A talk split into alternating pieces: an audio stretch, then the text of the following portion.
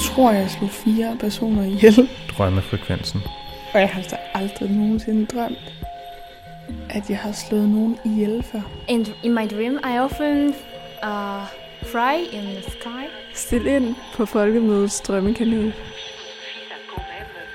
Vi kører op ad en virkelig, virkelig stejl bakke, så vi kører nærmest lodret op.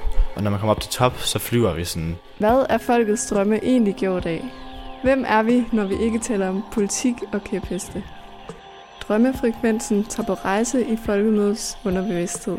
Jeg synes, jeg var i det. Altså, jeg synes, jeg var der, dengang jeg slog dem ihjel. Det var ikke bare sådan... Min kæreste og min øh, bedste veninde fik et barn sammen.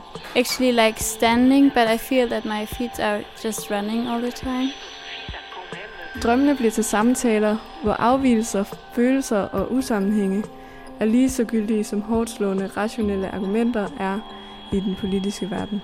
Det værste ved det hele, det var, at jeg så bagefter får nogle støvler på, hvor deres ansigter er. Så det er sådan lige meget, hvor jeg, hvor jeg går hen, så bliver jeg mindet om, at jeg har slået de her personer ihjel.